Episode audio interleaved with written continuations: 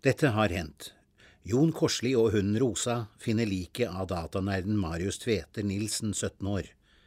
Hjemmehjelp Beate Småfjell kommer til stedet, og snart har lensmann Snivstad hånd om saken. Det viser seg at Marius har samlet inn masse informasjon om bygdas innbyggere.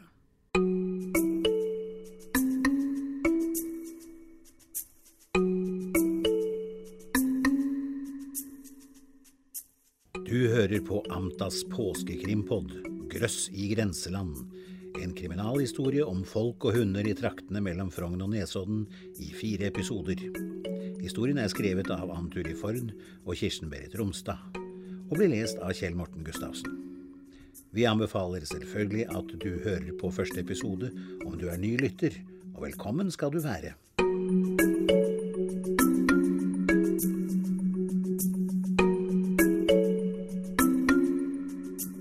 Episode to Fagerstrand, ja hele Nesodden summet av rykter. Det var funnet en død gutt. Han hadde ligget ved noen tømmerstokker i ukevis. Han var blitt drept. For hvorfor skulle noen ellers pakke han inn i plastsekk og forsøke å gjemme liket unna?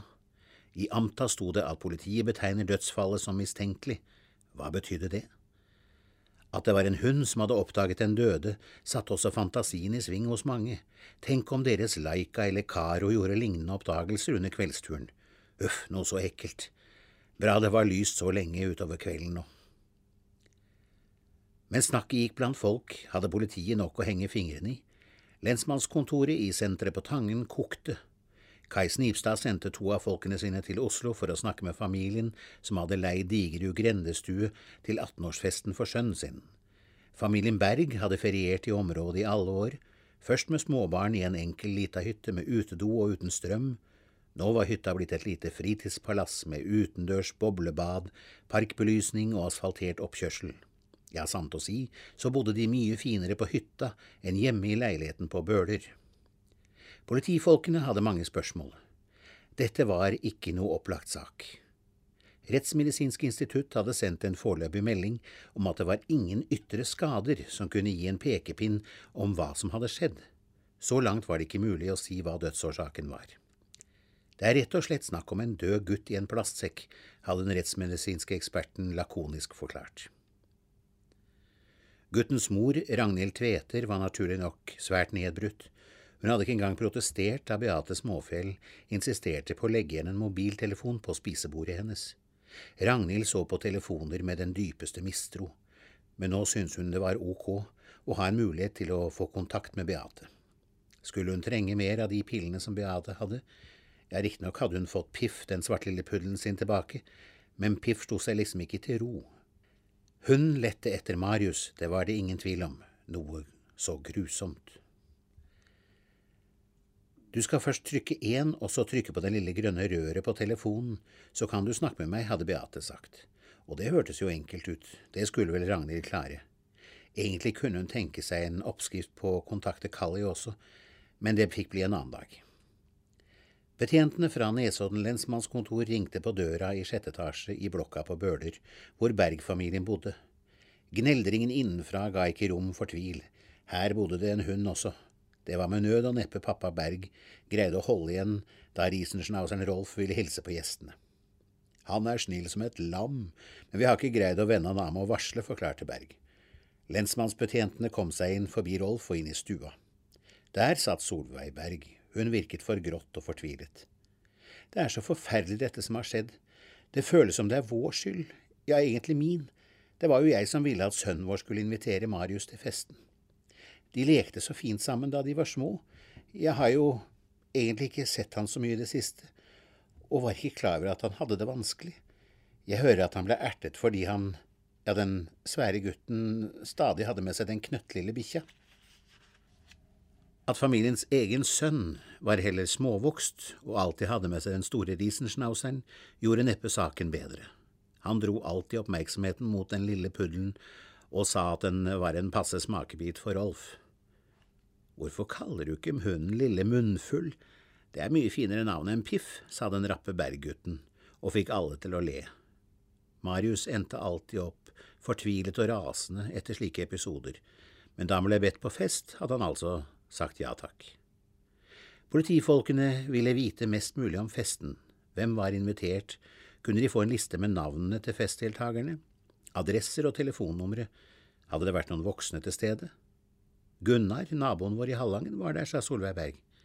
Ja, vi stelte i stand før festen.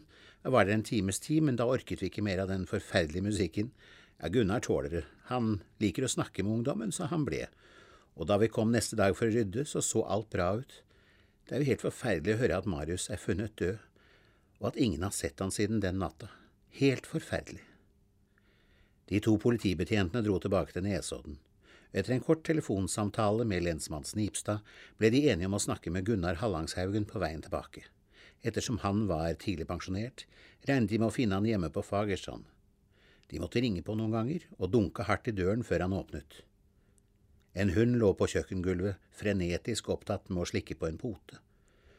Å få Gunnar Hallangshaugen til å svare på spørsmål var ikke enkelt. Han snakket helst om noe annet enn det han ble spurt om. Om irriterende innflyttere og om ungdom som kastet fra seg ølflasker i veikanten. Hvis det er øl igjen i flaskene, så fryser det, og flaska sprekker. Se på poten til Ribbe, ja, hun har trampa rett oppi sånne flaskeskår. Hadde jeg fått tak i han som kasta fra seg flaska, så skulle jeg… Hvor lenge var det på festen på Digerud der Marius Tveter Jensen også var? Til festen var slutt. Jeg var den siste som gikk, jeg hadde jo lovet å slukke og låse. La du merke til at Marius gikk? Jeg husker ikke så nøye, det var jo mange der. Var det noe spesielt med ham? Vet ikke, det var en merkelig fyr, men den mora så kunne man vel kanskje ikke vente seg noe annet. Hallangshaugen ville ikke si noe særlig mer om festen, men han visste hvem politifolkene burde prate med. Snakk med tremenningen min, Guttorm Kjenslibråten. Han kjører buss og kjenner alle. Kjenslibråten satt og drakk kaffe i sjåførenes kantine i Torneveien. At han hadde grep på hva folk foretok seg, var det ingen tvil om. Han hadde oversikt over legetimer og familieforhold ned til den minste detalj. Han kunne fortelle litt av hvert om Ragnhild Tveter og hennes sort, om Marius og den snoken, om Kali Gaus, han burde vært undersøkt, osv. Om familien Berg var han mer forsiktig, det var bra folk, tremenningen hans Gunnar Hallangshaugen likeså. Jon Korsli, som hadde funnet liket av 17 år gamle Marius da han gikk tur med bikkja si, fikk ikke fullt så bra skussmål. Han tror han forstår alt, og han tror på hva unger sier. Det burde han være forsiktig med, sa Guttorm nesten truende. Jon Korsli hadde bestemt seg for å gå fra Fagerstrand mot Tangen. Han ville gå av seg alt oppstyret som han hadde vært etter at han og Rosa fant Marius. Han snakket med politiet flere ganger, og nå var han lei. Her skulle det gås og tenkes. Jon hadde nesten glemt Marius, det vil si, han var jo ikke lett å glemme selve funnet, men han kjente jo gutten fra før. Marius hadde gått i den klassen Jon Korsli underviste for noen år siden, men da var han en fåmælt og beskjeden gutt som ikke gjorde mye vesen av seg. Men en dag i vinter hadde Jon Korsli og Rosa møtt Marius, han hadde med seg en liten puddel som Rosa ble veldig interessert i, og dermed kom samtalen i stand. Det gutten fortalte, og som Korsli ikke hadde tenkt noe særlig mer på, var egentlig interessant. Marius var tydeligvis en datanerd, på tross av morens avsky for alt som het elektrisitet og moderne teknologi. Han hadde en bærbar PC som han hadde fått gjennom skolen. Ja, det var en av fordelene med å gå på videregående på Nesodden. Marius sin danske far hadde sponset mobiltelefon med telefonkort. Dette var jo den eneste måten faren kunne få kontakt med gutten på. Det var jo ikke fasttelefon i huset, moren ante ikke noe om dette, og ettersom faren betalte de store telefonregningene uten å mukke, sparte ikke Marius på telleskrittene når han surfet på nettet. Marius likte ikke Kalligaus, han som hadde tatt navnet etter den kjente matematikeren, som ofte besøkte moren hans, og hva hadde han ikke funnet ut om morens husvenn? Kalli var ettersøkt av politiet i Sverige og Tyskland, og det var ikke så lett å forstå de tyske og svenske ordene, men det var i hvert fall noe med at han hadde fulgt etter folk. Da Kalli neste gang skulle innkalles til middag og Marius ble sendt for å hente han, hadde han kjempeflaks. Kalli var ikke der, men døra sto ulåst. Marius snek seg inn, hjertet gjorde et kjempehopp da han så et pass ligge oppå en hylle. Det var et unorsk pass. Inni var et bilde av Kalli, med et helt annet tyskklingende navn. Selvsagt sprang Marius hjem og satte i gang et søk på dette navnet. Mye rart kom opp på skjermen. Bilder også. Marius syntes dette var overveldende. Tenk at Kalle, som så ofte satt ved kjøkkenbordet deres, var etterlyst av Interpol. Han printet ut alt sammen. Det var dette materialet han spurte om Jon Korsli kunne se på og forklare ham, da han og Piff tilfeldigvis møtte Jon Korsli. Marius sa at han skulle legge det alt i en konvolutt i postkassen hans. Korsli hadde funnet konvolutten, tatt den inn og glemt den. Han skulle ta den fram og sjekke innholdet, men ikke i dag.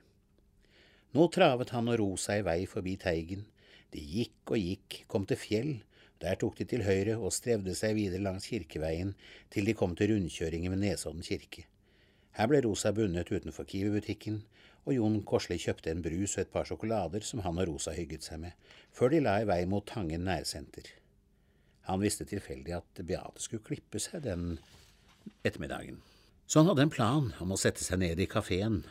Han likte godt den suppa de hadde der, og det skulle jo være rart om ikke Beate kom forbi. Kalli, eller Johan Carl Friedrich Gauss som han kalte seg, hadde oppdaget at noen hadde rørt passet hans den dagen for fire uker siden. Det lå plutselig en dag på nest øverste hylle ovenfra, ikke øverst slik det pleide.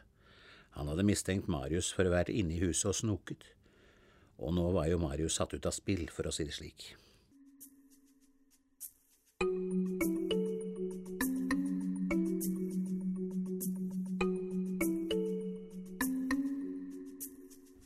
Du har nettopp hørt annen episode av Grøss i grenseland, en kriminalhistorie om folk og hunder i traktene mellom Frogn og Nesodden. Følg med i neste episode for å finne ut uh, hvorfor Interpol har etterlyst Kali Gauss, og hvorfor gikk Marius hjem fra festen på Digro i minus 15 uten lue? Følg med, følg med.